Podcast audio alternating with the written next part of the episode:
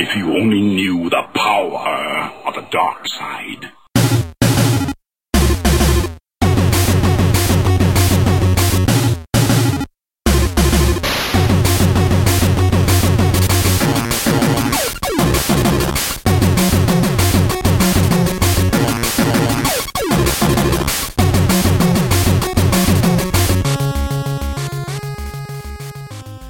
Välkommen till Retroresan. Ikväll kör vi ett vanligt avsnitt, precis som jag gjort tidigare. Vi skiter i de här specialarna nu som jag har haft ett tag. Och jag som pratar nu heter Anders Brunlöv och med mig har jag som alltid, Samson Wiklund. kanske inte som alltid i och med att jag var själv senast, men eh, ja, det var ju trots allt ett special. Hur mår du Samson?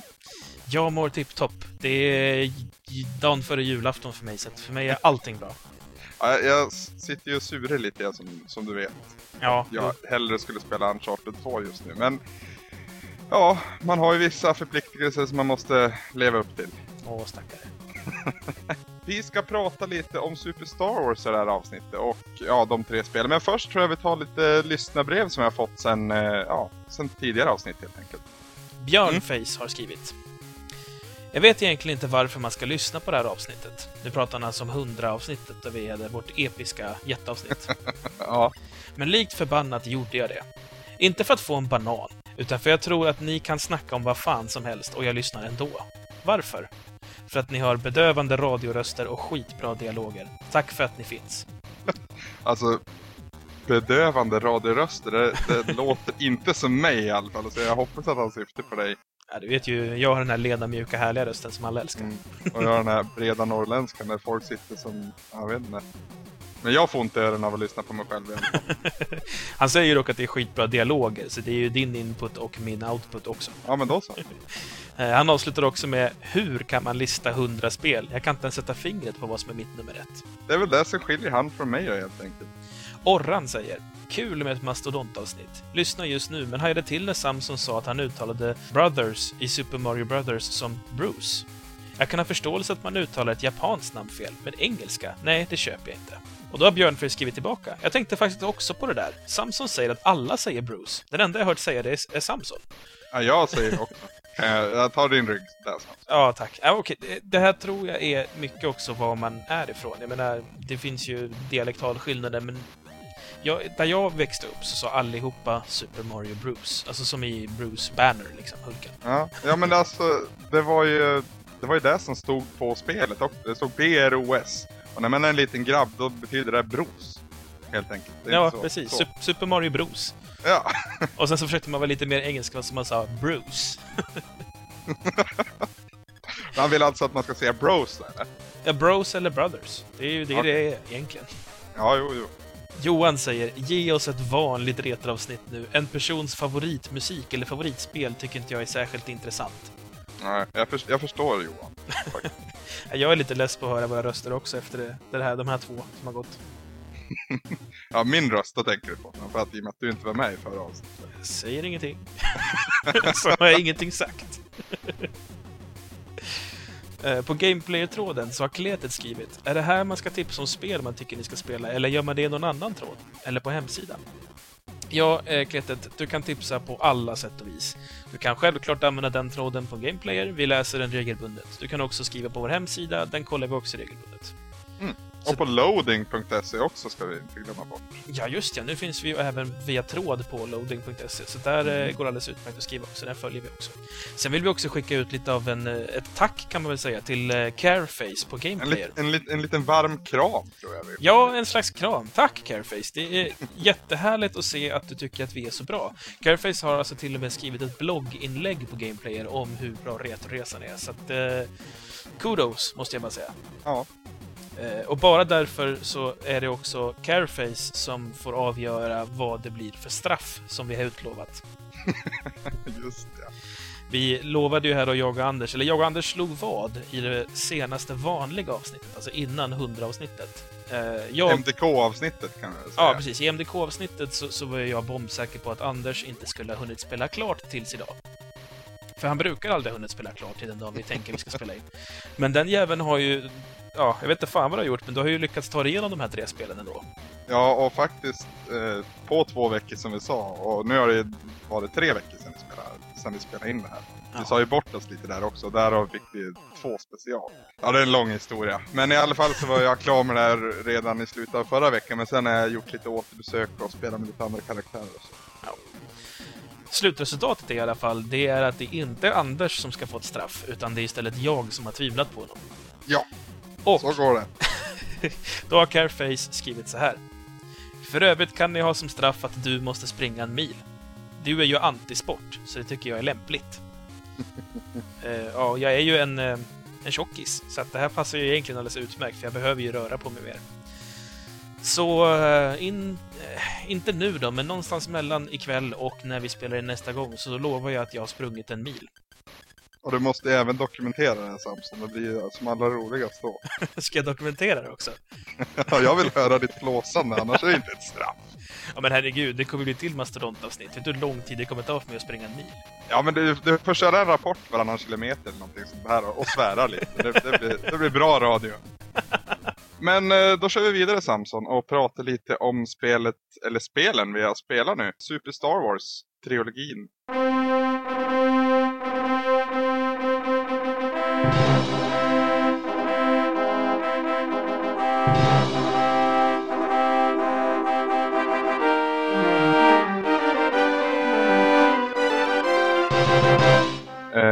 Det heter väl egentligen Super Star Wars, Super Empire Strikes Back och Super Return of the Jedi.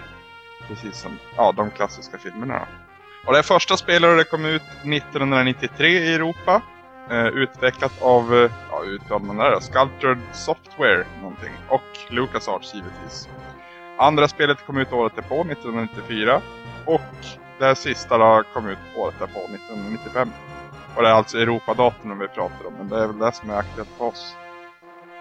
Alla de här spelen finns ju också från och med fredag tror jag det är, alla spelen som finns tillgängliga på Nintendos Virtual Console. Jag tror det är på fredag det sista spelet släpps där och då finns hela trilogin komplett. Och ja, vad ska man säga om spelen? Det är... De baseras på de klassiska Star Wars-filmerna. Eh, följer väl handlingen mer eller mindre. Jag tycker det är lite olika beroende på spelen faktiskt. Den, de tar sig lite friheter allmänt, men de försöker ändå följa något sånär samma struktur i vart man är och vart man ska. Mm, framförallt eh, mittenspelare, Empire Strikes Back, tycker jag följer filmen mer än vad de andra två gör. Ja, vad ska man säga? Starkt actionbetonade plattformsspel i ren 2D, med vissa undantag. Ja, alltså jag tycker jag har haft väldigt svårt att försöka bestämma mig för vad det är för sorts spel, för det är så himla varierande.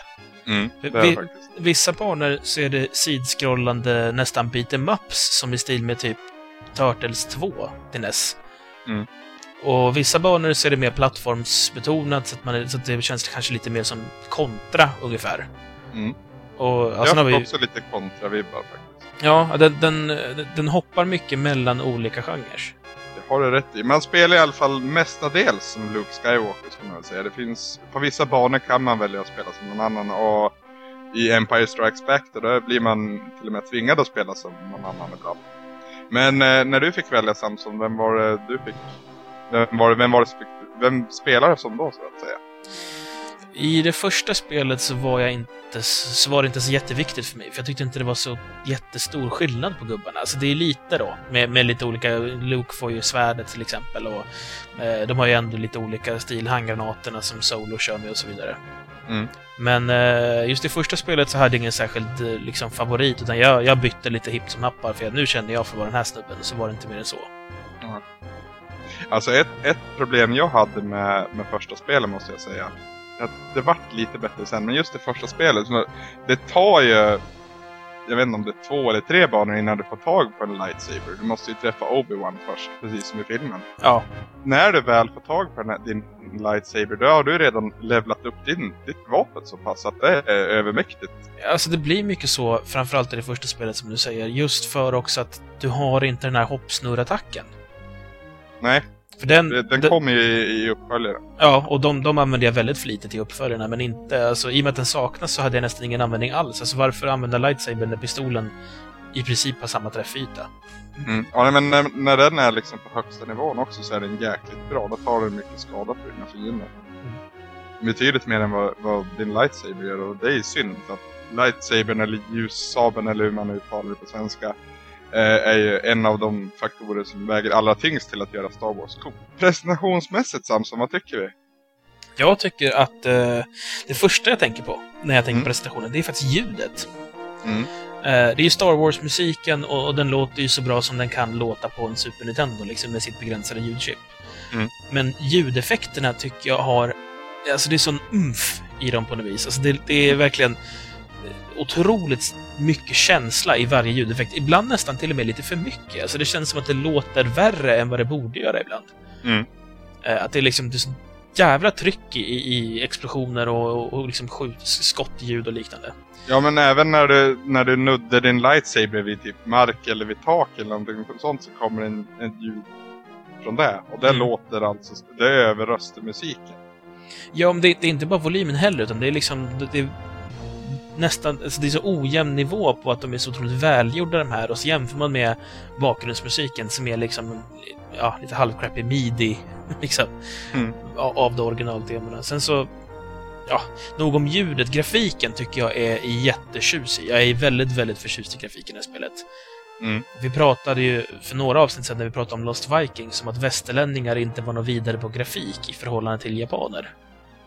Och det här är ju ett, ett spel som jag tycker eh, vänder lite på det. Alltså, visserligen framförallt i de lite senare spelen här då, men det, jag tycker att det är väldigt väl pixlat väldigt mycket. Och det, det, det är intressant också, de här spelen släpptes med ett års mellanrum men ändå tycker jag ser tydliga skillnader mellan, ja, även om grafiken i första spelet är bra så är det mycket bättre i tredje delen tycker jag. Mm. Nästan lite overkill dock. Det känns lite Mega Man 3 över det hela, att det blir för mycket på skärmen så att bilduppdateringen Jo, den droppar ju frames ganska rejält här och där. Framförallt i, i det sista spelet. Mm. Sen någonting som, som verkligen eh, fångar mitt gamerhjärta, det är ju de här eh, stillbilds som är Mm. i, slutet och, i varje, av de flesta banorna. Det är ju som, eh, alltså det är samma typ av, av eh, te- berättarteknik som i Ninja Gaiden, det första. Och det gillar vi båda två. Ja, precis. Att det är liksom det är stora, vackra pixelmålningar med, med liksom rudimentära rörelser ibland och så är det liksom bara text under. Ja, det, det är någon så här...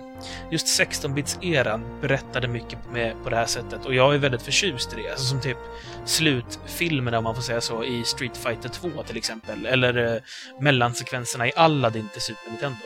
Mm. Det, Mm. det, just det sättet att berätta med de här väldigt stora, liksom, nästan akvarellmålningskänslan man får av dem. Eh, kombinerat med att text, liksom, det är en textat berättelsen under. Liksom. Jag, tycker, jag tycker att det är... Mm. Det är så här, jag har en sån romantisk, nostalgisk bild av vad det här är för någonting och det är verkligen tv-spel för mig. ja, ja, men det är rätt bra beskrivet faktiskt. Eh, sen tycker jag om så här små detaljer som man har lagt in också. Reagerar på när det spelas som Han Solo bland annat. Och hur han alltid drog upp sitt vapen på skjutare så drog han det precis som han gör i filmen. Mm. Det, det visar ju också på, ja, när det är Lucas Arts som ligger bakom det i och för sig. Men det visar ju också på att man har lagt mycket energi på att göra det så pass älskvärt som möjligt. Kan man Ja, säga så. men man har liksom lagt ner så mycket känsla i de här små detaljerna. Som hur han står. Att han, han, han drar ju inte bara en pistol, utan han har ju sin andra hand. Handen som inte har pistolen håller han liksom ändå lite i så här beredd pose. Ja, Precis som, att han gör, precis som han gör i filmerna. Och det, det är verkligen Han Solo för mig. jag hyrde faktiskt den här från, från videohallen här i Bollnäs. Hyr Ni, ni kan fortfarande hyra, gud vad härligt. Ja, det, det är så väldigt skönt. Och framförallt att det kostar lika mycket som ett Xbox 360-spel. Tycker jag. Hur som helst, på omslaget så är det Luke Skywalker som håller i en blaster och Han Solo som håller i en lightsaber. Som dessutom är röd. Det är inte godkänt. Nej, det, det låter väldigt fel, tycker jag. Så det, det störde jag mig på. Men sen när jag väl började spela så vart det ju bättre.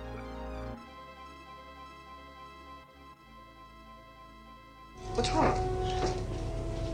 I felt a great disturbance in the force, as if millions of voices suddenly cried out in terror and were suddenly silenced. Det är jäkligt nice att komma till det här universumet och man inleder eh, i öknen där och skjuter massa sandmonster och, och ja, någon typ av krabbor eller liknande. Jag vet vad det är för monster är. Men hur som helst, det jag känner är att man, man gör banorna lite för långt. Vilket inte du det är en känsla? Inte för att, inte för att de är för kort. Eller att de skulle vara kortare utan för att man, man loopar banorna så att säga. Samma element återkommer om och om igen. Det kommer upp en kulle och där finns det en jättestor uh, krabba eller vad man ska säga. Förstår du vad jag menar? Jo, jag är helt med dig. Alltså, jag ser här i min anteckning att jag har en väldigt liknande grej. Jag har skrivit det som att man gör liksom hela banor av vad som skulle kunna vara en del av en bana. Exakt. Det känns som ett arkadspel som ska pumpa pengar ur förstår du? Man, eh, man, jo, men man har gjort banorna så pass att man kommer dö i alla fall en om man inte har spelat det förr. Ja, alltså, jag jämför det lite med, med så som det kändes att spela Ghost and Goblins. Nu är det extremt mycket värre, men just det här att det det känns som att det är gjort för att det ska vara lite elakt. Du ska dö några gånger så att du lär dig hur du ska hantera situationen nästa gång du kommer dit. Ja. Väldigt så trial and error-aktigt på något vis. Ja, alltså, ja. Det känns som upprepning och som att banorna loopas. Och det är ju fler gånger än på just den här första banan jag, jag syftar på. Mm. Men där har vi ett så pass tydligt exempel. Kullen den här, vad det är, krabba, kräfta. Skorpion kanske. Djuret som kommer upp, helt enkelt. Ja, exakt. Annars måste jag säga att de här speederuppdragen också är jävligt tråkiga.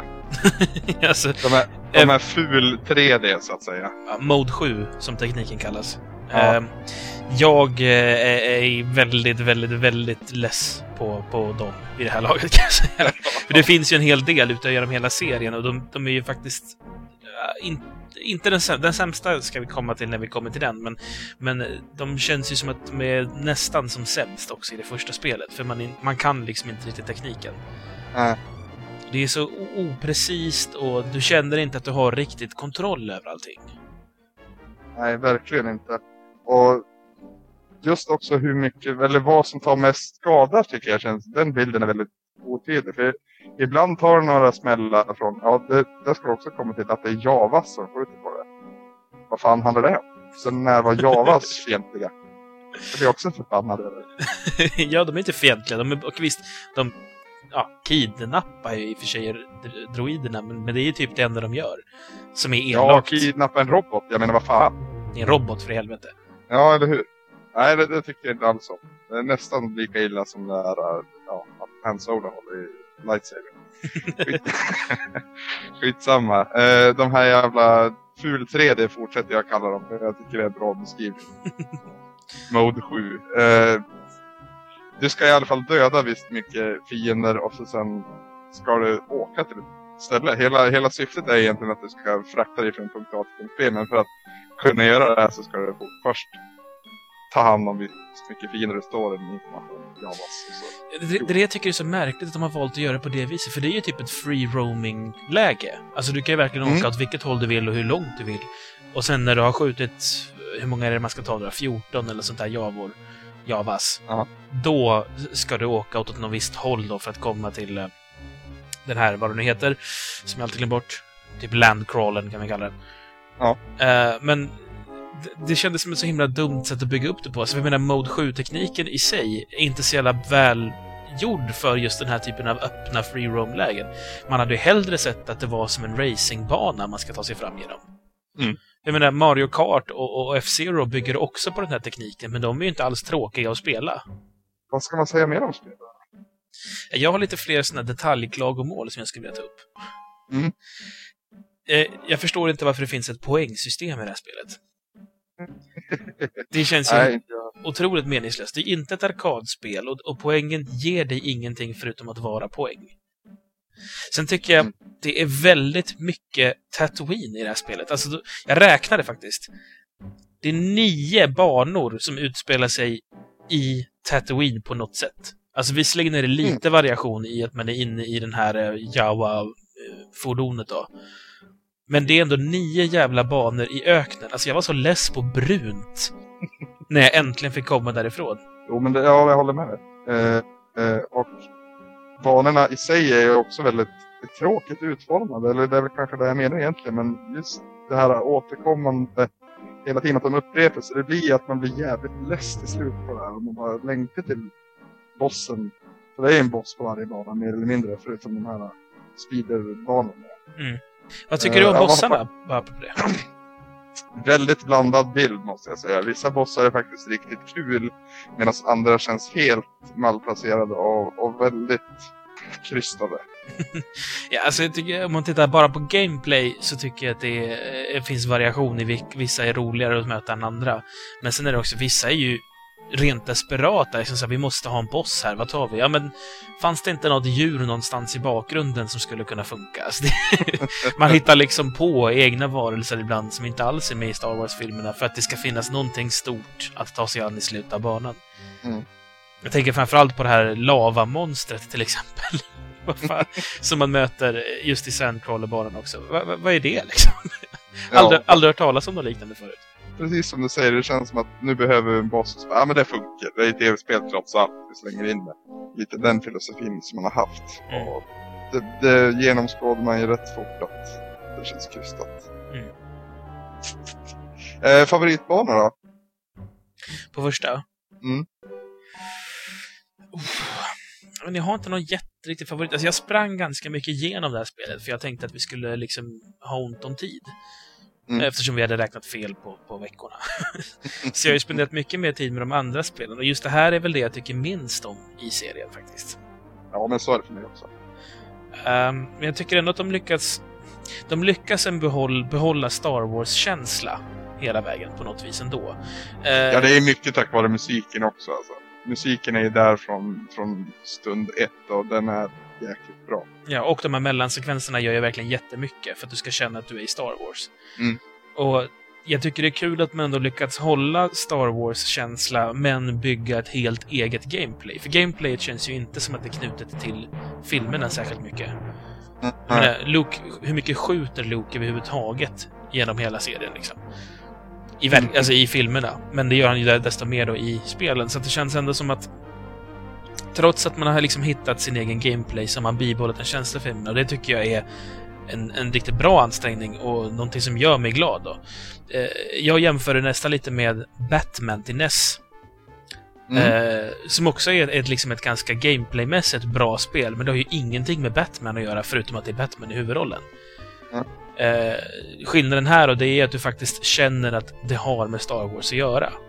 Ja, mycket tack vare mellansekvenserna som du nämnde. Ja. Det liksom pekar åt vilket håll. Man tar ju mycket frihet och lite för mycket frihet framförallt när det kommer till bossarna. Men när allting eh, kommer omkring så att säga så är det ändå Star Wars och det känns som du säger Star Wars. Mm. Min favoritbana måste ju ändå vara Dödsstjärnan tycker jag. Eh, första gången man är på den. Inte när du ska, inte i slutet där utan när du ska befria Princess Leia helt enkelt.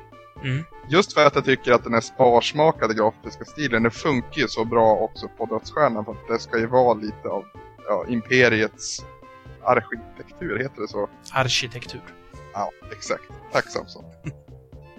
eh, men förstår du vad jag menar? Att det är väldigt stilrent, väldigt eh, ja, tråkigt inrätt kan man väl säga. Jo, men det är ju liksom det är en arbetsplats för, för Imperiet.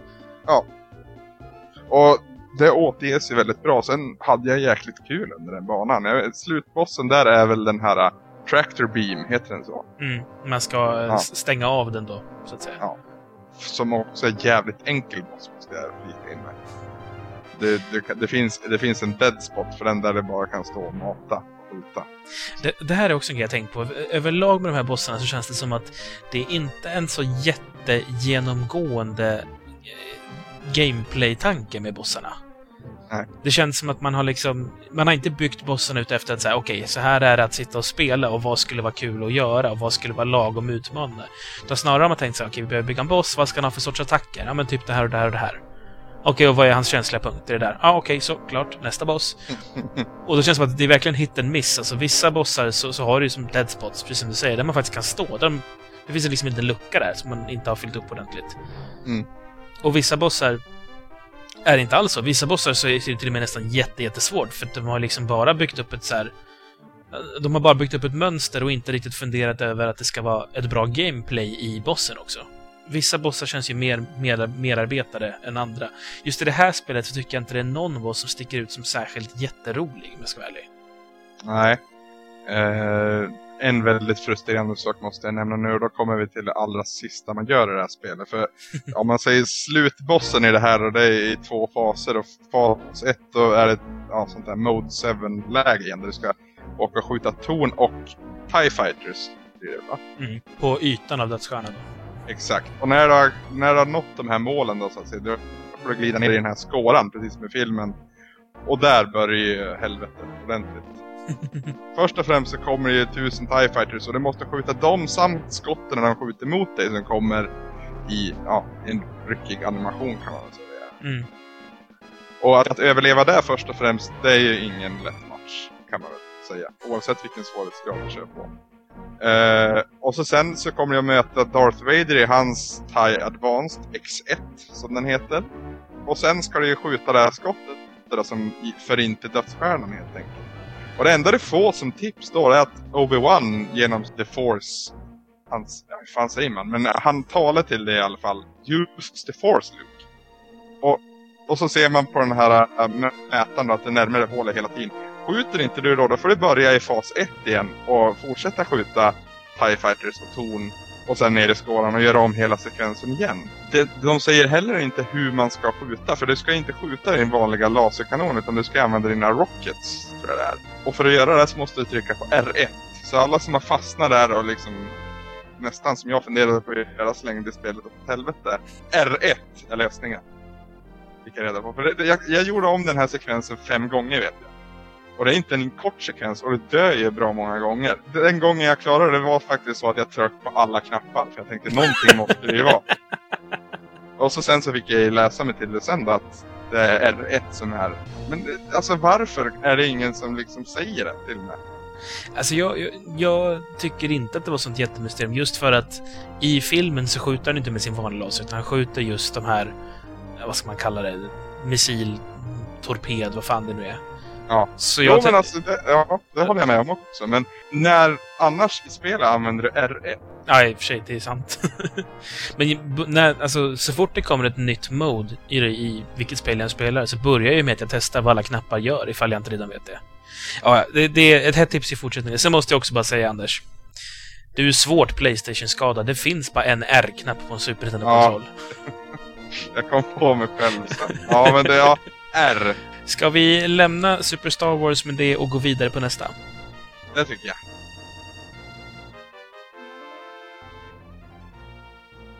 The Force is with you, young Skywalker.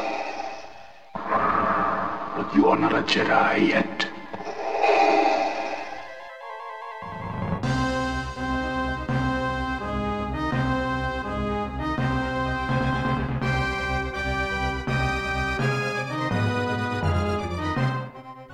Och då blir det ju då alltså den bästa filmen i mitt tycke. Ja, ja, men det är det ju. Det, Alla vet- det vet ju alla.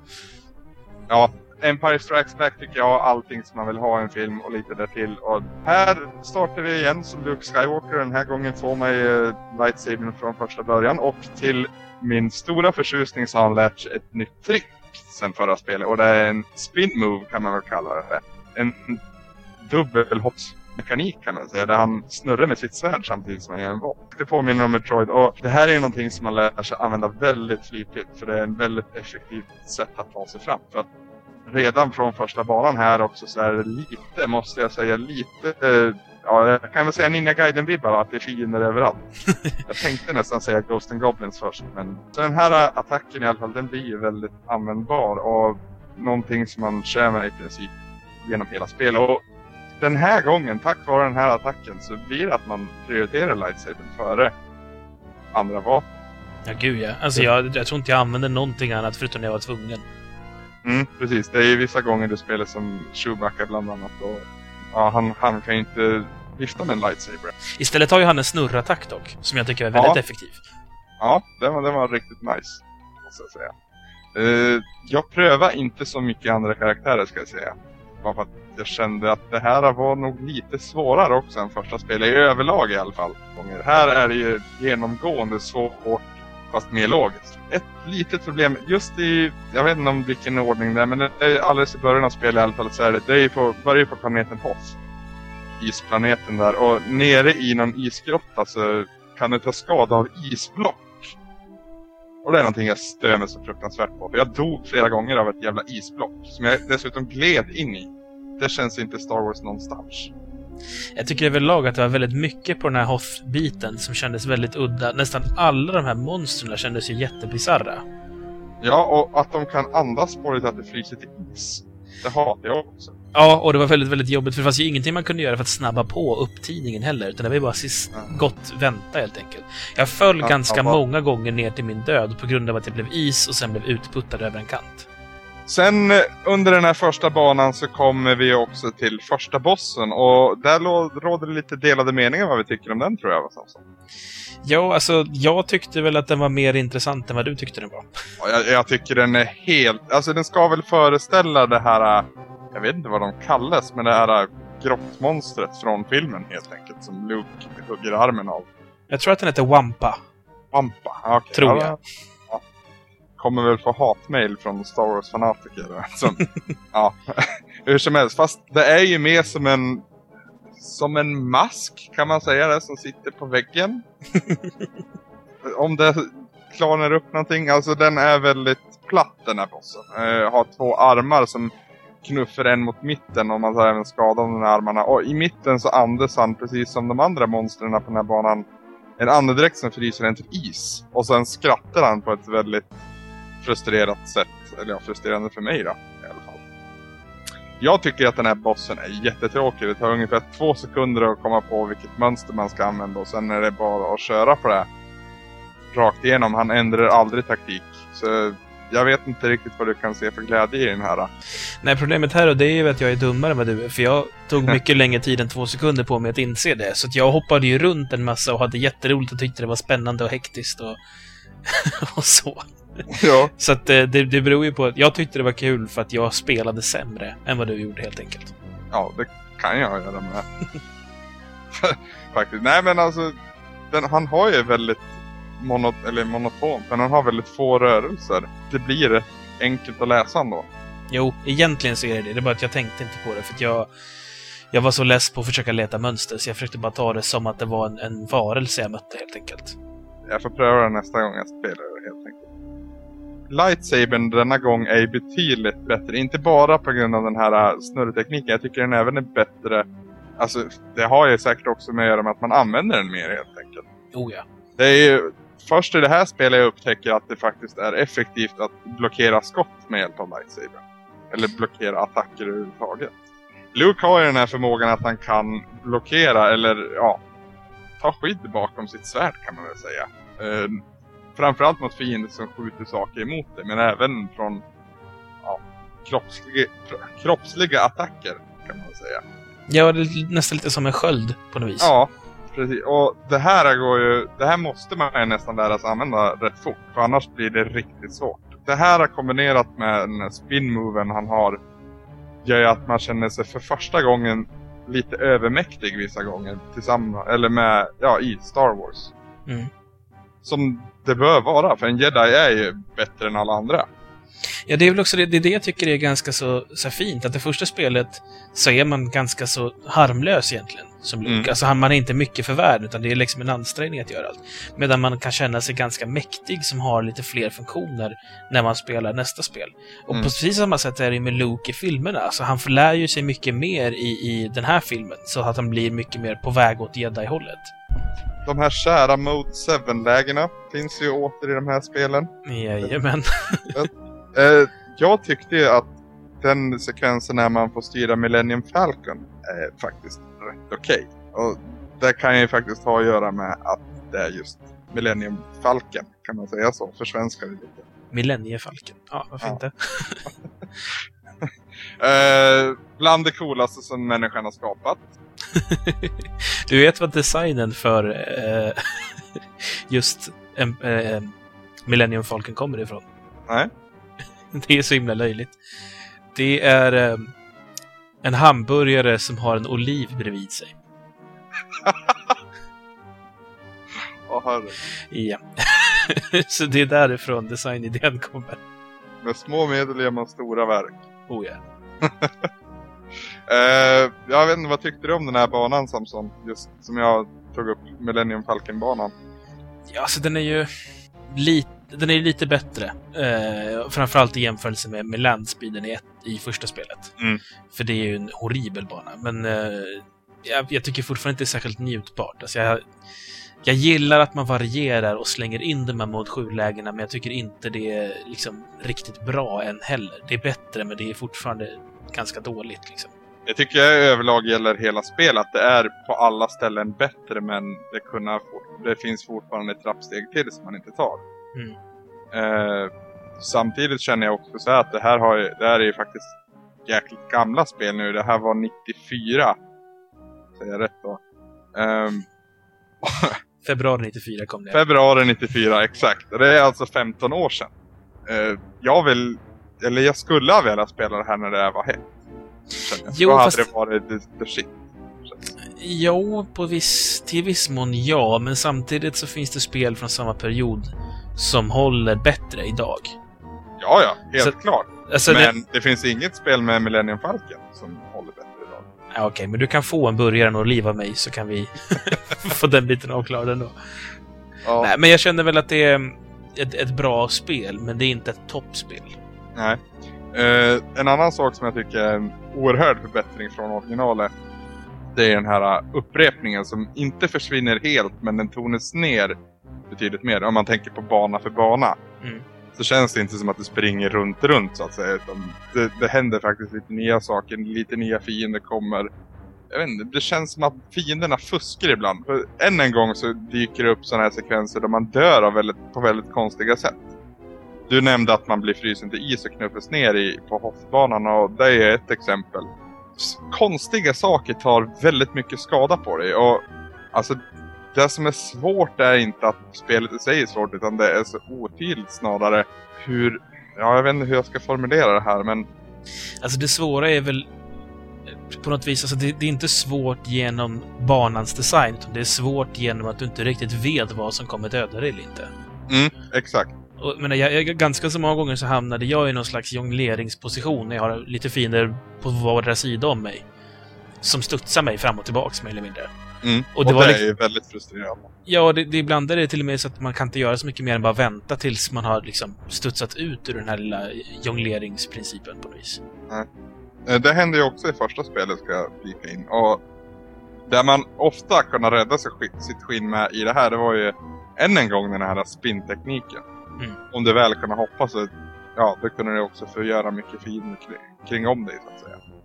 Någonting som är nytt eh, i det här spelet då, jämfört med det förra, det är ju de här force-krafterna. Som jag verkligen, verkligen välkomnade, måste jag säga. Absolut. Det var ännu en sak som gjorde att du kände dig lite mer almighty kan man väl säga. Ja, alltså det, den, den, det tragiska är att det är i princip bara en av dem jag använder. Okej? Och det är heal, som Luke kan göra. Ja. Eh, Den, men även, även under viss... Där skulle jag komma till. Eh, det här spelet är ju svårt för att det är mycket fiender och tar mycket skada under varje bana. Men! Spelar man det som du vill säga på rätt sätt och tar det lugnt så kan man ju även sitta och, och mörsa fiender och plocka små hjärtan. Och när du har väldigt lite liv så stannar du på ett ställe där det är hyfsat enkla fiender. Låter dem spåna om och om, och om igen och sen bygger du upp din hälsa på så vis. Vilket i och för sig också är en irritationsmoment, att det också är det här konstanta spånläget genom alla tre spelen. Ja. Det är någonting som jag har stört mig på. För, eh, jämförelsevis Megaman så spanar fiender, men de spanar liksom på cues. Att du liksom passerar en viss punkt och där kommer det dyka upp en fiende. Mm. Men, men här är det verkligen... De, det, det är som att de har någon slags begränsning, att det ska minst vara 15 fiender på plats. Och så Av fort, vissa, stunder i spelet så blir det väldigt kaotiskt och det, blir nästan absurt mycket fiender. Värsta, ja. vär- värsta förbrytaren där, det är ju den här banan när man eh, eh, letar efter robotarna med Chewbacca, tycker jag. Ja, Där är det ju fruktansvärt mycket fiender. Och mina hatfiender dyker upp där också. Det är de här blå-lila bollarna som också, de spanar helt random. Har tänkt på det? De kommer ut genom de här dörrarna i bakgrunden. Och, och jag spelade i banan flera gånger då. Jag tyckte det var en ganska rolig bana. eh, Just för att den är så kaotisk. Det kändes lite som en sån bullet hell shooter ungefär. Mm. Men här, eh, de här blå jävlarna. Du kan liksom inte räkna med hur, om den kommer komma eller inte. Utan de dyker upp när de känner för det. Mm. Och eh, vissa partier är jätte, jätte, jättesvåra när de är med. Så att man kunde liksom så här, jag hoppas jag slipper dem den här gången. så klarar jag mig förbi det där. Jag tänker framförallt på när man ska upp för en ganska lång uppförsbacke där man konstant måste vara i rörelse, annars glider man tillbaka ner. Mm. Kommer det en blå jävel där, då är det ju körd. Det, det var ju bara att ge upp och börja om banan och hoppas på det bästa. Eh, den här banan är ju också den banan jag tyckte att Chewbaccas ja, special move funkade riktigt bra. Eller det, det var där man utnyttjade den som bäst så att säga. Hans spin move där. Och sen tycker jag också att eh, ah, trilogins roligaste boss är här också. Mhm. Jag gillade verkligen bossen här. Eller nej, en av dem i alla fall. Det här, det här är, den delar nog första platsen med en annan boss som är med i nästa spel. Okej. Men just bossen på den här banan, då ska man ju hoppa på de här eh, grejerna i lavan som sakta sjunker ner. Mm. Jag är väldigt förtjust i just bossar där du eh, du inte bara liksom kan bli skadad av honom, utan det finns någonting i miljön som kräver att du konstant är i rörelse. Mm. Den sortens bossar gillar jag väldigt mycket. Som, ja, Super Probotector eller Contra 3 till Super Nintendo så finns det en boss där du hoppar mellan olika missiler. Mm. Eh, Min absoluta favoritboss i det spelet, just för att jag måste hela tiden hoppa mellan missilerna samtidigt som jag koncentrerar mig på att försöka döda bossen.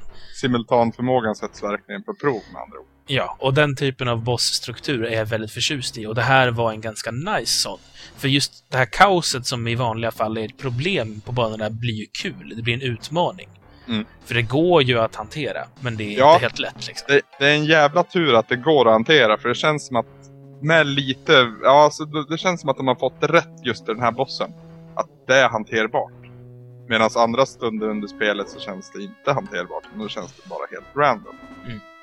Och jag tror, Eh. jag tror ofta att det är också random att det blir så. Ja, tärningskast helt enkelt. Ja. Eh, det är inte min favoritboss genom spelserien dock. Även om den är väldigt kul. Jag tycker att slutbossen i det här spelet är riktigt kul. Jo, i och för sig. Och det handlar ju mycket om vem det nu är. Ja.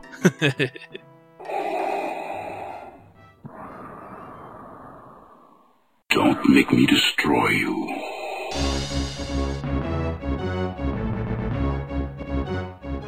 Och att det är en lightsaber duel med Darth Vader. Det, det är ju det man vill ha. ja. Herregud, alltså det, det kan inte begära mer nästan. Alltså, väldigt simpel på sitt sätt men ändå rätt okej. Lite lång, tycker jag. Ja, han tål ju väldigt, väldigt mycket. Jo, han har lite för mycket hälsa känner jag. Jag hade, jag hade hellre sett honom utmanande i att han hade kanske lite mer saker han kunde attackera med. Ja, lite mer försvar också. Förstår du vad jag menar? Det skulle vara mer svärdduell snarare än kötta på medan det kan. Och sen, ja han, vi kan väl prata lite om vad han gör. Det är alltså en svärdduell mot Darth Vader, precis som i filmen nästan. Mm. Eh, Det där sista ut på rampen där. Och mellanåt så använder han sin, sin kraft så att säga för att samla ihop skrot, kan man säga det? Ja, han, han, han allmänt, han sliter väl så. Alltså det är ju så här, i en sekvens i filmen så gör han det att han faktiskt tar någonting från väggen och slänger på Luke. Ja. Och eh, här är det liksom en av hans en av hans stora attacker. Det, här är lite typexemplet för just hela Super Star Wars. Att man hittar en grej så bara hmm, det där skulle kunna funka som gameplay-mekanik. Och så använder man det för mycket. ja. Fast jag vet inte om det är för mycket egentligen. Nej, Alltså, alltså, på, ur, ur, ur den synvinkeln så att säga att det används en gång i filmen och hela tiden i spelet, det är ju rätt. Jo, men, Men- det jag tänker på är alltså, det är ju rimligt att, att Darth Vader gör det för att på ett snabbt och effektivt sätt. I filmen så gör han ju det bara för att slänga lite skräp på Luke så att han åker ut genom det här fönstret. Ja, riktigt håna han också kan man säga. Ja, om du jämför det med vad vi vet att Darth Vader är för sorts karaktär, alltså vad han har för stolthet, vad han har för eh, förmåga. Alltså, vi har ju sett honom nu i visserligen tre riktigt usla filmer också, men, men Riktigt usla, jag måste bryta in men riktigt usla är de ännu inte. Om vi bortser från första så tycker jag både Episod 2 och 3 har sina ljusglimtar. Framförallt trean faktiskt. Men det, det Vi ska, inte oss in, vi ska inte ge oss in på den diskussionen, men de är inte alls att jämföra i alla fall. Nej, Det kan vi vara överens om. Ja. Eh, men hur som helst, det vi har fått lära oss det är att Darth Vader, för detta Anakin Skywalker, är en jävel på att slåss. Mm. Och att få det presenterat som att han kan slåss lite svepande med ett svärd och dra in skräp utifrån kändes lite så här. Alltså jag tror att Darth Vader dels slåss schysstare, eller inte schysstare, men mer eh, ädelt än så här. För han är ju inte en, en småaktig människa. Darth Vader är ju inte någon slags... Jäv... Ja. Han är ju inte jävlig, han är bara liksom... Han har ju en heder liksom i sig någonstans. Ja, och den saknar jag lite här. Mm. Jo, ja, det har du faktiskt rätt i. Ingenting jag tänkte på just då bara för jag tyckte att det var så awesome. Eh, Ja, det, är, Ja, aw- det är awesome ja. att få vara där och att få styra Luke mot Darth. Det är ju Ja, det... det- är det som är awesome. Men sen själva fighten i sig tycker jag inte är så jättemycket. jag känner ju så här att det här var ju de där de tänkte på. Det var den här sekvensen de tänkte på när de kom på att de ville göra de här spelen. Ja, jo, det har du nog rätt i. Det är liksom klimax för allt nästan. Jag vet inte, ska vi gå in mer? Jag tyckte vi var, var nosa på Force Powers egentligen. Ja, vi kanske ska prata lite mer om dem. En grej med de här Force-teknikerna är att man, man hittar alltså olika Force-tekniker. Jag tror att det är fyra, tror jag, som Luke kan ha eller något sånt där. Mm. Eh, jag minns inte exakt alla fyra, för jag använde inte så jättemånga av dem, men det finns bland annat en där man kan eh, stöta tillbaka skott tillbaka mot fienden. Och så finns det den här heal-funktionen som vi nämnde som hastigast innan, som alltså att du helt enkelt healar dig själv. Eh, och sen så finns det ju några till då förstås. Du kan till exempel, jag tror att det ökar styrkan i lasersvärdet eller sånt där va? Mm. Så att Lasersvärdet, säger man verkligen? jag säger det nu för att alla vet vad jag menar. Det heter väl ljussabel, men vad fan, det är ett lasersvärd. Så att, ja, vi kör på det. Ju sab, alltså just att det heter sabel gör att det låter mycket coolare. Men en sabel är egentligen alltid krokböjd. Så Men det nu- är... Nu pratar vi om en galax långt, långt borta. Ja, okej då. Men ja, vi säger väl ljussabel då? Light sword. Eller lightsaber är det de kallas på engelska, så vi säger lightsaber då. Ja. En av Force-tekniken i alla fall är att man får en kraftigare lightsaber. Så kan jag gå vidare nu. Ja, är jag nöjd. Eh, och man har då en slags eh, valuta man använder för att kunna använda de här Force-teknikerna. Och det är då helt enkelt en liten Force-mätare som ser ut ungefär som lightsaber-livet man har uppe till vänster, fast den här sitter då uppe till höger och den är orange. Mm. Eh, det är alltså då precis som en vanlig sån mätare, vi kör alla igen dem, och varje gång du använder den här tekniken då så minskas det lite. Och du plockar upp då... Ja, vad är det för någonting man plockar upp? Ja, jag vet. Du plockar upp grejer som droppas av fienden i alla fall, som då fyller på ditt light, eller ditt force, din force gauge. Mm. Eh, någonting som är lite bisarrt här, det är att det finns en liten, eh, en liten logga precis bredvid den här force gauge. Eh, som då skulle liksom innebära att så här, det här är force, det ska representera att det här är liksom hur mycket kraft du har. Mm. Den loggan, det är rebellalliansens logga. Det är också en sån här miss jag bara stör mig på. Ja, Fan kan man missa det? det kändes jätte, jättekonstigt. Varför skulle alliansen ha någonting med kraften att göra? Det är ju bara familjen Skywalker och Yoda som har någonting med... Äh, Okej, Kenobi också. Som har någonting med kraften att göra genom hela grejen. Ja, och så Darth Vader Nej, men familjen Skywalker. Aha, du tänker så. Ja, jo men det, absolut. Ja, som jag sa, det är någonting jag mig på. Ja, det är såna detaljer. Det är också så att det känns så fel när det är så... Om allting hade varit åt helvete fel, som med Nest i Batman, så hade man tänkt ja, ja, det är så bara. Men i och med att vi har de här små detaljerna som vi nämnde när vi pratade om det första spelet, med Hans pose och med eh, liksom ljuden från allting och så vidare, då känns det så udda när det är en sån här miss med. Ja, det känns som att gänget som är utvecklare består av 75% Star Wars-fans och så de här 25 som bara gör sitt jobb och bara äh, men det där är en Star Wars-logga, vi slänger in den som, som, ja, som får representera kraftens mätare då. Ja, och Och jag, så blir det så jävla fel. jag, jag tror att de här 25%-människorna, de måste nog vara de som fattar de stora besluten. Ja. Så jag kan tänka mig att det var en jävla massa folk som var så här, men alltså det där, vi kan inte ha det där, det där är allianslagen, det där har ingenting med kraften att göra. Och då har liksom den här ja, 25%-människan helt enkelt vänt sig och sagt, okej, vad ska vi ha istället då? Ja, du har fem minuter på dig att komma på någonting. Och så hann de inte komma på någonting, så bara, ja, men då, då kör vi på den här loggan. Så. Det är ingen som kommer märka det. Nej, det är bara barn som spelar i alla fall. Jag tror vi har svar i ett nötskal där. Nej, men på det stora hela så skulle jag säga att jag tycker att Empire Strikes Back är ett bättre spel än, än Super Star Wars. Eh, ja, det är inte mycket... Alltså de många detaljer jag stör mig på i det första spelet blir mycket bättre i det här andra spelet. Jag tycker även att kontrollen känns lite tajtare. Det kanske är bara jag som inbillar mig, men jag tyckte... Nej, men jag är beredd att hålla med dig där faktiskt. För jag har, jag har nästan ingen kontroll alls över mina hopp i det första spelet. De är, de är hemska. Ja, och jag blev enormt frustrerad när man ska liksom göra de här lite komplicerade plattformshoppen, speciellt när det är rörliga plattformar. Och det är liksom jättesvårt att veta att kommer jag fått sånt där högt hopp nu eller kommer jag fått vanligt kort hopp? Ja, och ibland så blir det att jag, ja nu är vi tillbaka på första spelet, hoppet. Framförallt. Men eh, när man har hoppat upp på en plattform så tar han ett tillskott direkt. För att, jag vet inte, det är väl någonting med att jag håller inne knappen för att jag tror att hoppet ska bli högre då. Ja, Mario-style. Ja, exakt. och och när, när jag väl tar landning då hoppar han igen och så är plattformen rörlig då, då missar jag naturligtvis och, och, och ramlar ner och dör. Och jag känner igen det där, jag gjorde samma sak flera gånger. Ja, de, de har finslipare på många sätt i Empire Strikes Back och jag är nog beredd, nu ska jag spoila lite, men jag är nog lite beredd att kalla det för det bästa spelet i serien faktiskt. Jag vet inte om det handlar om att det är att filmen är med så varmt om hjärtat eller inte, men jag tror nästan det. Jag tycker att den är... Mm. Jag kan inte bestämma mig för vilka jag spelar som är bäst. Det är väl lite kvalet mellan filmerna också. Nej, jag tycker att Empire är bra mycket bättre än Return of the Jedi när som helst. Ja, men var det verkligen så första gången du hade sett filmerna också? Ja, det var det. Okej, så var det inte för mig. Det är någonting jag har liksom insett senare. Men det har varit många diskussioner bland mina vänner om vilken som är bäst. Okej, alltså jag, jag har aldrig behövt ha några sådana diskussioner, för alla jag känner har tyckt som jag, mer eller mindre.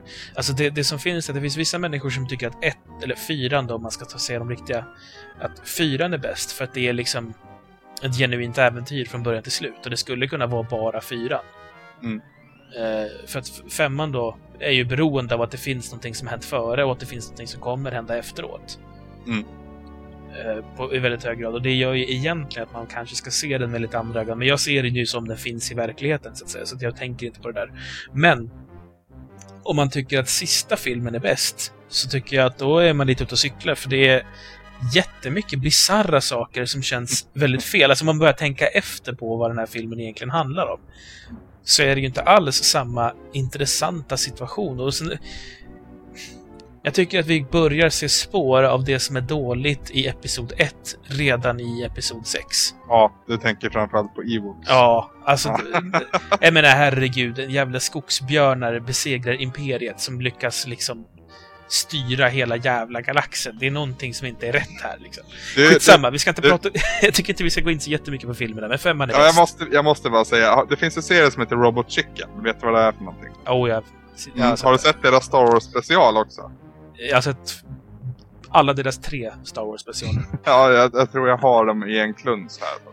Ja. Men då är det i alla fall en sektion där Darth Vader står och förklarar för Luke Skywalker under den här episka scenen, ja, som vi pratade om nyss, boss fight.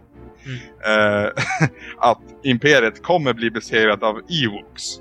Och det, det blir så jävla roligt när han säger det. Så till alla er som inte, inte har sett det så tycker ni, ja, Youtube eller vad fan som helst. Jag kanske kan slänga upp en länk till och med på, på hemsidan.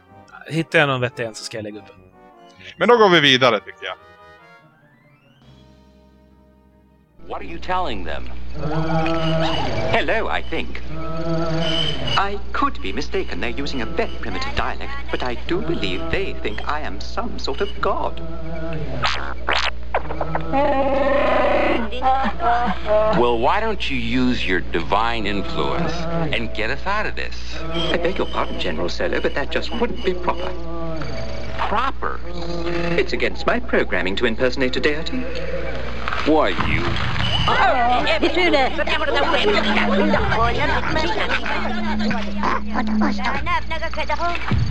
My mistake. It's an old friend of mine.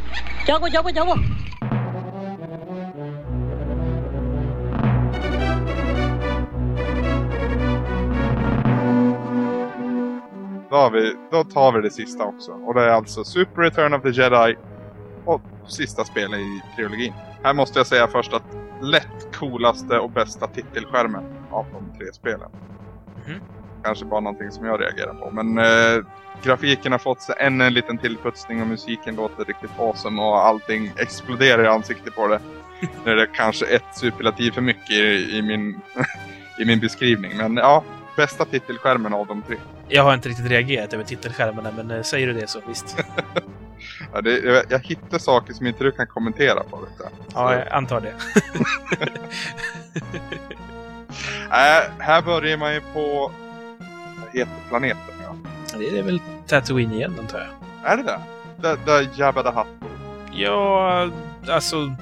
Om man ser tillbaka på det så är det ju på Tatooine som, som The Hutts bor sedan tidigare. För det är där Anakin växer Ja, upp med sin mamma. Så att det här torde ju i så fall också vara Tatooine. Och det är ju öken. Mm. Vi följer filmen någorlunda mer löst den här gången, men i alla fall ditt första uppdrag blir ju således att befria Han Solo, som har blivit tillfångatagen av Jabba the Hutt. Och det börjar spela som Luke, och han har, precis som i filmen, en grön ljussabel den här gången. Och det gillar vi. Ja, gud ja, det är jätteskönt. Det ser jävligt snyggt ut framförallt, tycker jag. Den här spin-moven blir mer effektfull. Jag vet, Ja, det är alltså, ofta sån där som jag bara reagerar på. Jag, jag tycker det är all, allmänt skönt med lite jordiga färger. För att i det, i det första spelet så är allting brunt. Känns det som. och i det andra spelet så är det så jävla mycket blått och vitt.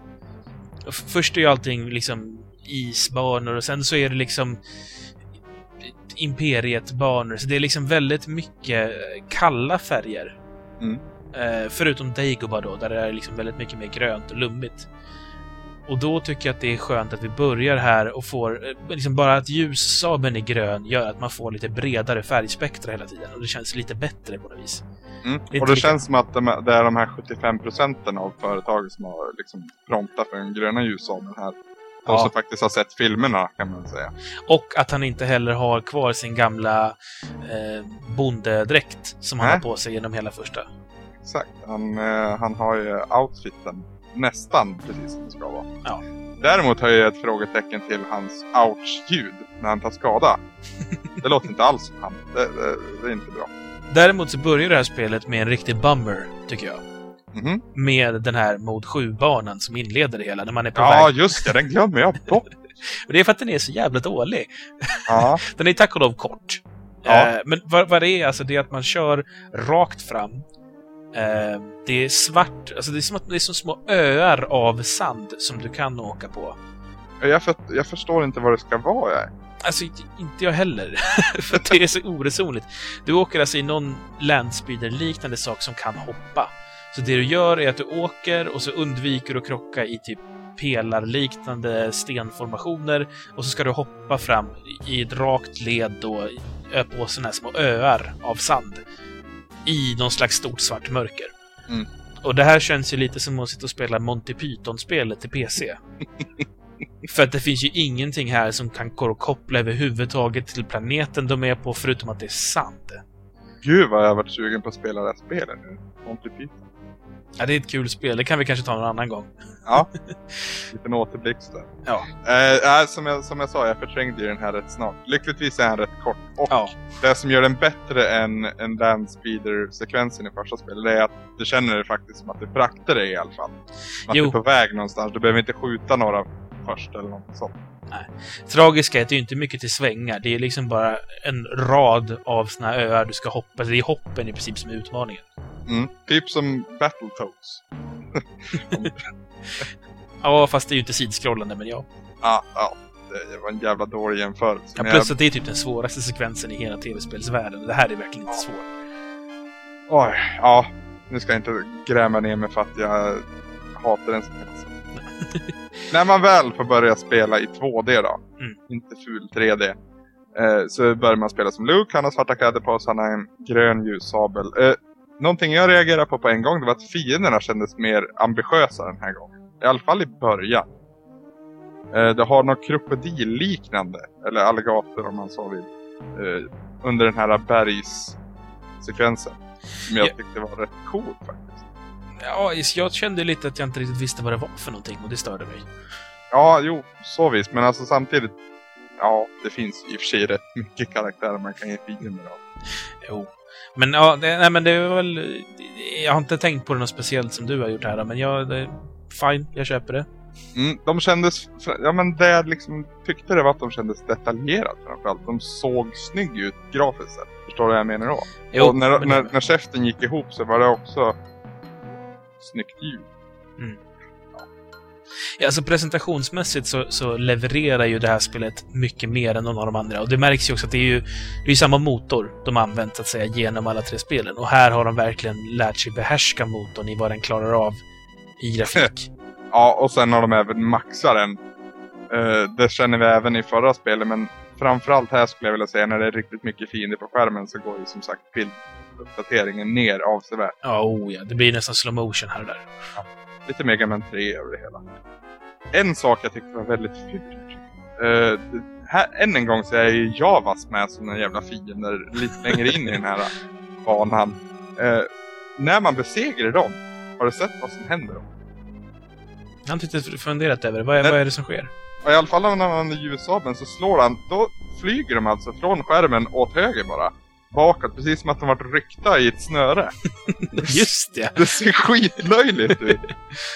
Jag vet inte fan vad de har tänkt på det här. Men ja. Det ja, för det första att de ens finns med som fiende tycker jag är helt jäkla ja. Det är väl fanboyen i mig som skriker rakt ut. Något som jag välkomnar väldigt mycket i Return of the Jedi, det är ju möjligheten att få välja vem jag ska spela på de flesta Mm. banorna. Mm, det togs ju bort den i, i Empire Strikes Back, så det, det är skön, skön återkomst. Mm, verkligen.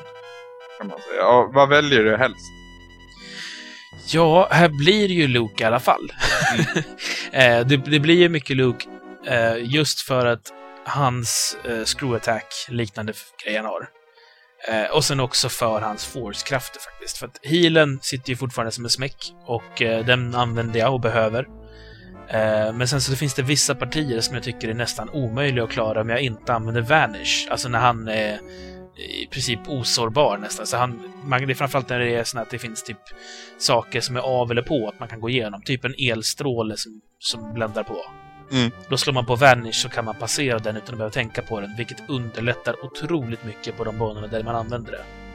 Jag känner ju lite så här att man ska spela som Luke alla gånger man kan. Och det är väl i princip typ alla banor förutom en tror jag, i det sista.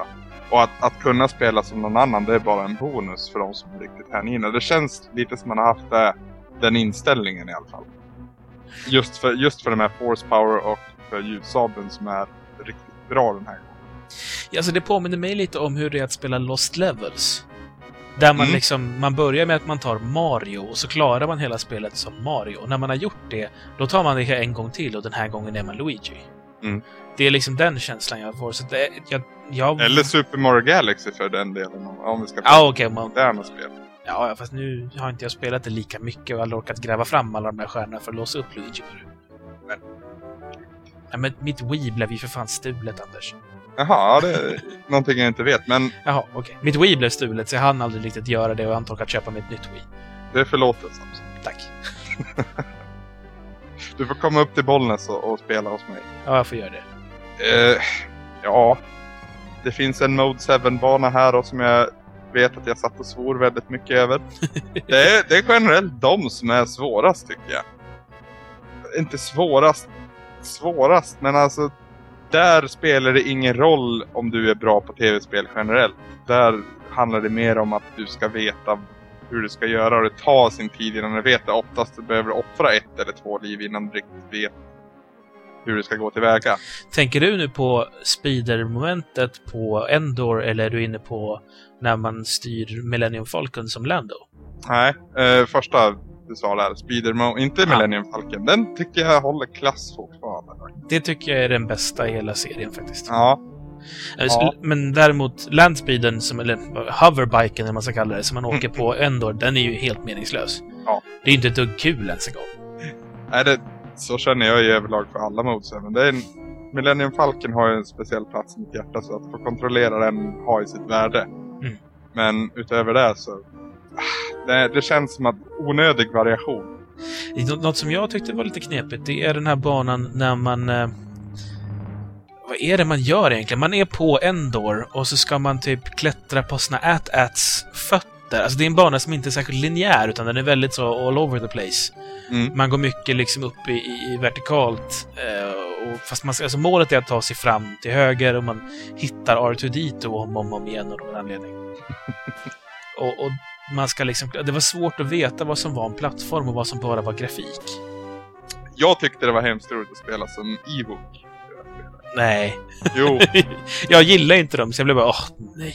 alltså inte jag heller egentligen, men någonstans i sin eh, skalle så tänkte nog George Lucas på tv-spel när han skapade karaktären Ewok. Man kan göra ett helt spel där man spelar som Ewok och de är egentligen så pass söt. Alltså jag håller med att de inte hör hemma inom Star Wars-universumet. Och allt det där, men karaktären i sig om man tar ut den ur, ja, ur kontext så att säga. Så funkar det ju. Ja, ja, ja. Okej. Ja, jag hade i alla fall gett väldigt roligt på den banan.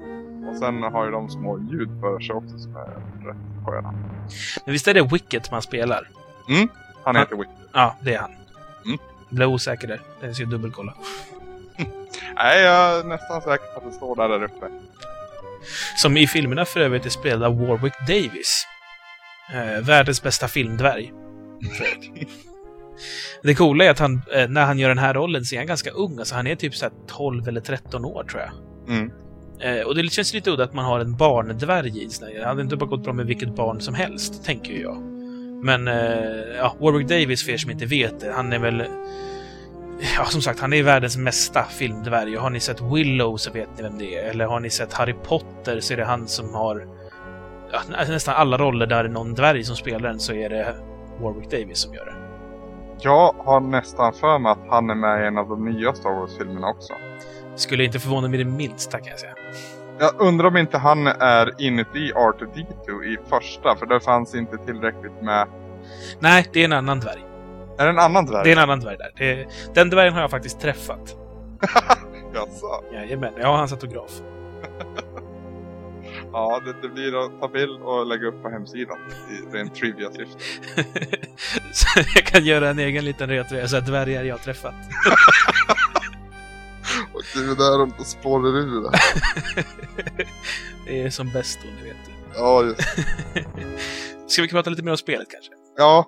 Ja. Ehm, det vi inte pratade här, det är ju hela sekvensen i Jabbas palats. Mm. Där det verkligen är en street brawler. Uh, mer eller mindre, det är ingen plattform alls, det är verkligen bara gå. Och Ja, det blir, det blir små rum så att säga. Du måste döda alla fiender för att kunna ta det vidare. Och konstant har vi Jabbas skratt i bakgrunden. Oerhört tjusigt måste jag säga. Ja. Men framför allt den här sekvensen, här briljerar ju grafiken. Ja. Något så fruktansvärt. Det är otroligt snyggt gjort här. Det är färgdjupet man använder och, och ja, ska vi gå in på lite duktighetsspråk så är det alltså att man använder något som heter sfumato. Eh, och det är alltså en målarterm för att när någonting är långt borta så är det lite disigt och lite gråaktigt. Medan någonting som är närmre eh, tittaren då så att säga är mycket högre kontrast. Mm. Och här har du ju du har de här folken som du liksom ser i förgrunden framför spelaren. Eh, Och liksom hur man har färgbalanserat det med att de är, de är ju inte i någon ljusområde, så de sitter liksom i mörker, men du kan ändå urskilja deras detaljer. Och det är jättehög kontrast på deras shines och deras skuggor. Och sen i mitten har du där själva gameplayet utspelar sig, som har liksom mer neutral fär- färgkomposition. Och sen har du den här disiga bakgrunden. Så det är liksom väldigt, väldigt, väldigt genomtänkt. Och, och framförallt väldigt vackert. Alltså man sitter ju och njuter hela sekvensen av hur snyggt allting är. Ja, faktiskt. Just framförallt publiken i, i, i förgrunden Mm. tyckte jag var, var en väldigt, väldigt snygg touch. Och kombination med att det kändes verkligen som Jabbas palats på något vis. Ja, de har verkligen träffat rätt där. Det påminner ju gameplaymässigt ganska mycket om Mos Eisley i första spelet. Mm. Fast det ger ju mycket, mycket mer av att man är i det här obehagliga, olustiga känslan som ändå finns i Jabbas palats. Ja. Och det var ju menat kanske att Mos Eisley-kantinan skulle kännas så också, men det är ju mer festligt och kul. Alltså man skulle gärna vilja vara i Mos Eisley-kantinan. Jag skulle inte vilja vara i Jabbas palats däremot.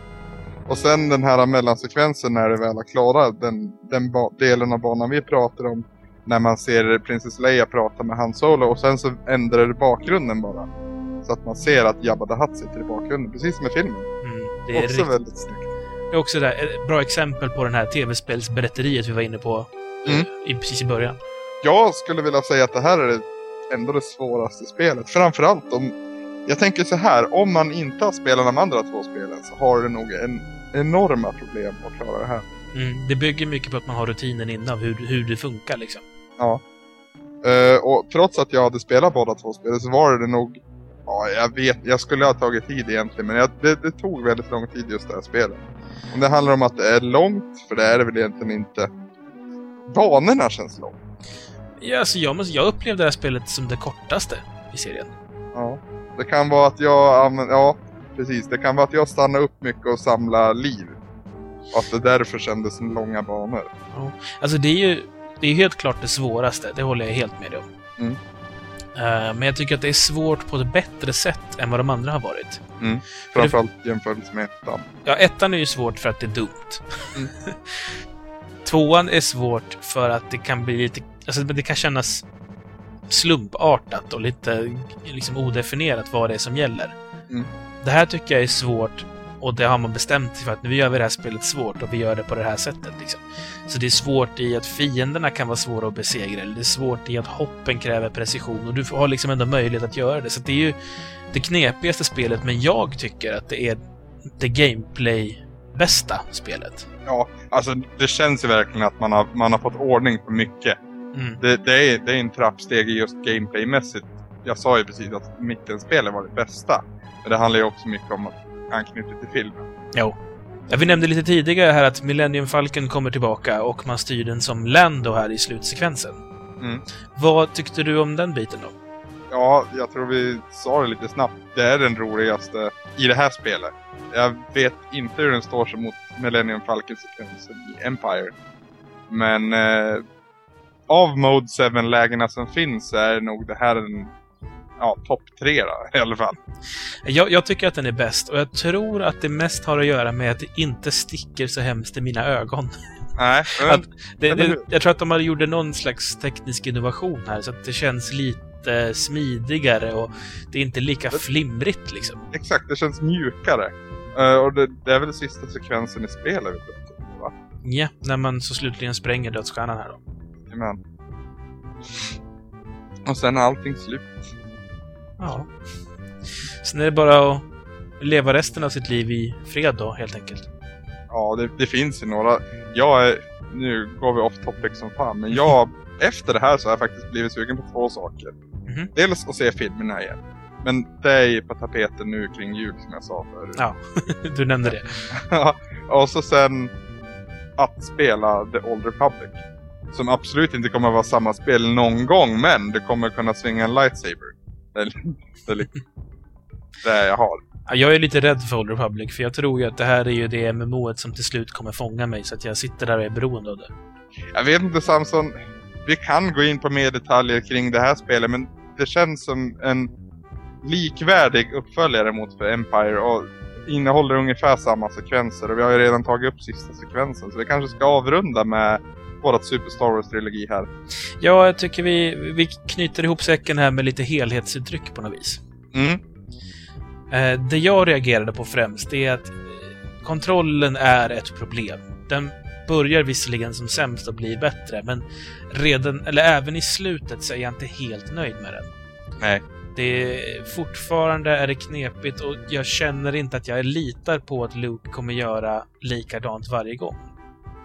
Precis. Eh, och det, det vill jag inte behöva känna. Jag vill, jag vill kunna, just eftersom det finns plattformsmoment som verkligen är klassiska plattformsmoment, liksom du ska tajma dina hopp och så vidare. Det vill jag ha precision i, annars är det liksom inte kul att, att, att ramla och känna att det var faktiskt inte mitt fel att jag ramlade där. Exakt. Och sen har man ju blivit bortskämd i spel som har liknande element men har betydligt bättre precision. Mm. Så, Men ta bara Contra till exempel, som har väldigt likt då plattformsmoment, men där är ju kontrollen spot on liksom. väldigt bra exempel för det, det känns mycket kontra också när vi spelar det här som vi nämnde tidigare. Mm. De kunna kika lite mer på vad de gjorde faktiskt. Sen om man får vända det på det positiva så är ju presentationen är ju det som, som är den stora räddaren i serien. Mm. Är ju, Utan, utan musiken och utan universumet generellt och allting vad det innebär så hade det nog varit rätt tråkiga spel att spela idag. Jo, det är jag helt med dig på. Det, det lever helt och hållet på sin licens. Mm. Men man har också, det, det är inte bara det att man har, har licensen, utan man har ju också faktiskt använt den på ett ganska så kul sätt. Eh, dels som sagt musiken, men de här, å, återigen de mellansekvenserna lyfter ju verkligen jätte, jättemycket. Och det känns konstigt att säga att i princip stillbilder hjälper ett spel att kännas bättre, men det är verkligen så att man får så mycket känsla av de här. Mm. Så att, Kombinerat med musiken också. Jo, för- jag tjatar om musiken. ja, men vi- jag tror att vi har greppat det nu, att musiken är bra. men äh, på det stora hela så presentationen är ju det som gör spelen till spelvärld överhuvudtaget. Mm. Inte att det liksom är uruselt gameplay, men utan det här så har vi inte så mycket spel kvar. Det finns inte så mycket att hämta. Och jag menar, det är, på ett sätt så är det ett spel som lever på sin licens, som du säger. Eh, samtidigt så är det ju faktiskt ett riktigt bra licensspel också. Det finns ju inte jättemånga sådana. Även om det finns mer i den här eran än vad som finns i dagens läge. Ja, gud ja. Kul om man gillar Star Wars. Bra för att vara licens. Det märks att det är västerländska spel igen, om man jämför. Hade det här spelet gjorts i Japan hade de sett väldigt annorlunda ut. På gott och ont.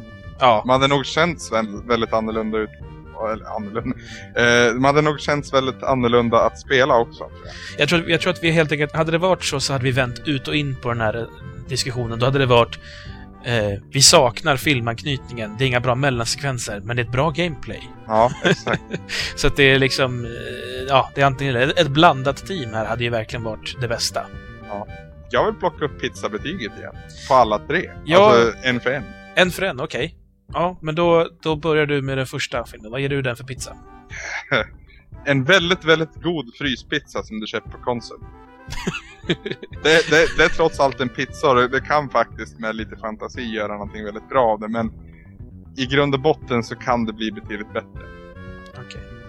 Jag ger det en sån pizza där du har beställt någonting men det saknas några ingredienser när den väl kommer fram. Ja, det, är bättre beskrivning. ja, men du, du, det är fortfarande en pizza, men eh, du hade verkligen velat haft den där skinkan, liksom. den som de glömde ha på, men inte glömde ta betalt för. Ja, andra spel i så fall. Nu får man ju tänka efter lite. Andra spelet, det känns ju som den perfekta bakispizzan där du egentligen slänger på för mycket än vad du egentligen vill ha. Men just för att du är i det stadiet du befinner dig i så kan du i princip äta vad som helst. Jo, fast du tar ju igen det sen när du upptäcker att åh fy fan, det där var inte särskilt bra att äta och magen börjar gurgla. Ja, men så, den känslan får jag inte av Empire Strikes Back. Nej, jag får lite det. Jag känner att det här är en sån här pizza där man har bacon, köttfärs, oxfilé och bearnaisesås på samma pizza. Ja, det, så känner jag snarare inför tredje spelet i så fall. Att det är för mycket på han helt enkelt så att man inte orkar med han. För det, det är ju lite anknytning till att bilduppdatering går ner.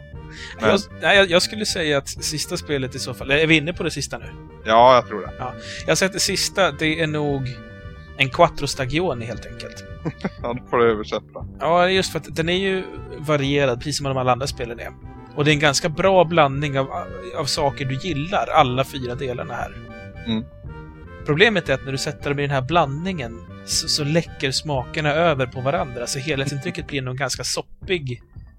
Liksom, till exempel den här musslorna man har där, de, de, de ger ju tyvärr smak åt skinkan där på andra sidan. Vilket gör att det är ändå inte så en jättegod pizza, trots att det egentligen på pappret ser ut att vara bara saker jag gillar liksom. Ja, det är nog rätt mitt i prick det också. Då tycker jag vi avslutar hela det här äh, Star Wars-snacket med riktigt fin Star Wars-musik.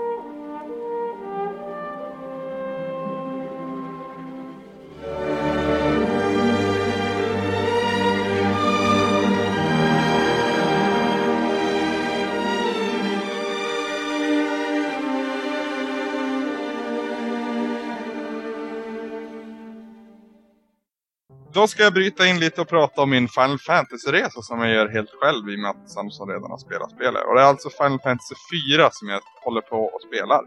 Just nu i denna, inte just nu när vi spelar in, men mitt uppe i all denna Star Wars-hysteri så satt jag mig ner en kväll och spelade Final Fantasy 4 helt enkelt. Har väl inte kommit så mycket längre. Jag har blivit, jag har gått igenom en grotta.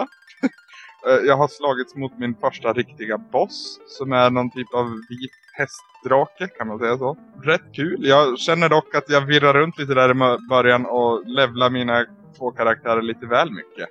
Sen har jag då kommit till den här staden där vi, fri, ja, vi frigör någon typ av elddrake eller nå, någon typ av bomb av något slag. Jag vet inte vad det var. Som dödar eh, alla invånare och man blir kvar där med ett litet barn som ens mamma man har precis haft ihjäl. Eh, det här barnet tar man sedan med sig för man får lite, lite samvetskval, kan man säga så? Du får prata du och nu Samson. Ja, jag får det. Ja, ja, ja.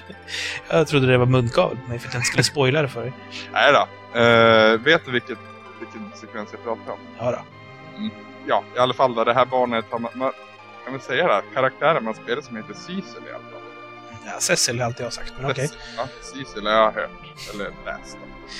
Som har blivit deporterad från sitt kungarike. Ja, det är just i den här sekvensen jag pratar om man blir det. Eller man, man inser att man kommer bli det, för man kan inte lyda sin kejsares order längre. Och det här kungariket är ju det starkaste i världen, vad jag förstått. Efter den här sekvensen då så, jag vet inte riktigt vad som händer och det är väl inte meningen att man ska veta det. Men du vaknar upp i alla fall vid, vid en grön äng bredvid den här flickan i fråga. Och eh, rymmer iväg med henne genom en öken och hamnar i en stad och därför stannar på ett inn eller ett värdshus kanske det heter i Sverige. Få lite god nattsömn. Och jag måste säga att Cecil då är en väldigt hård kille som sover med rustningen på.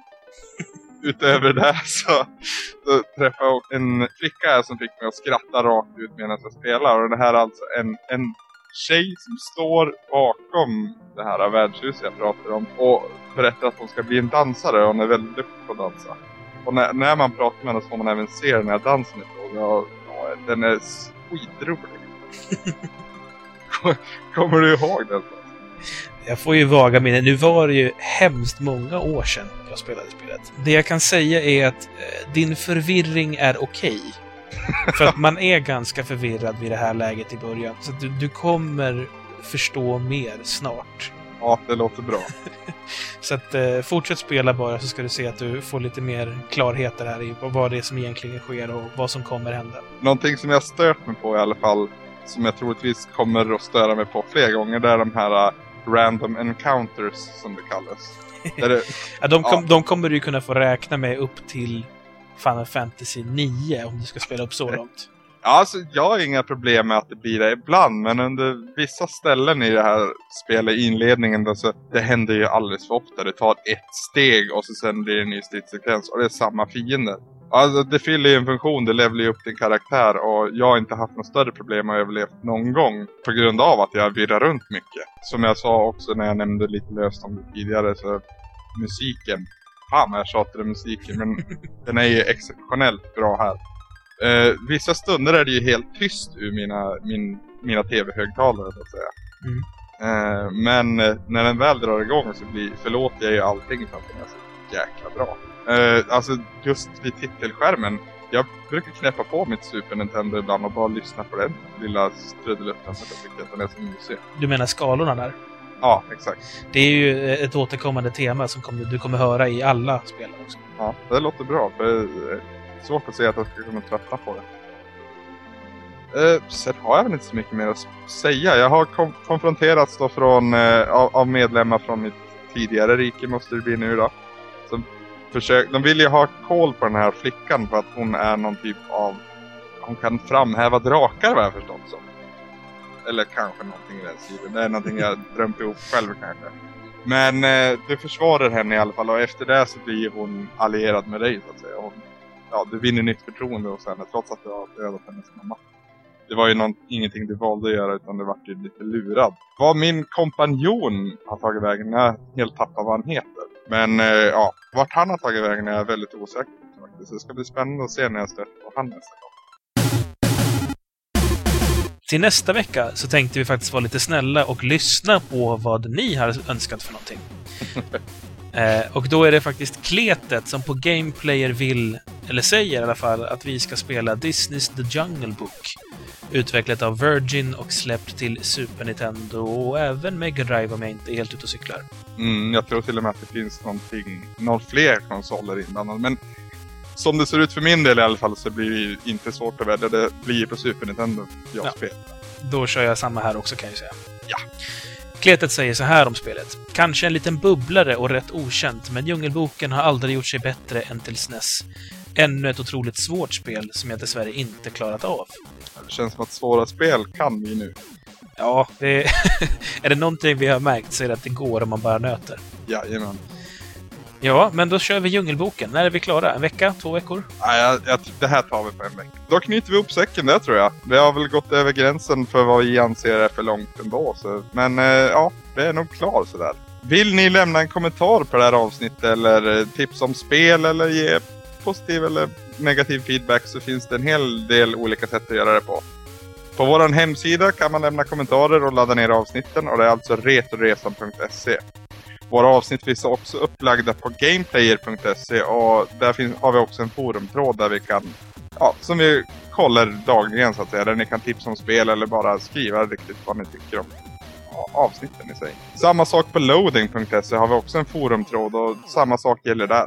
Vi kan, ni kan prenumerera på oss via iTunes och då söker ni helt enkelt på Retoresan.se. Det går även att prenumerera på RSS eller via RSS. Och instruktioner finns på vår hemsida. Då så, då stänger vi igen bommarna där. Jag heter Anders. Och jag heter Samson. Målet är ingenting. Resan är allt.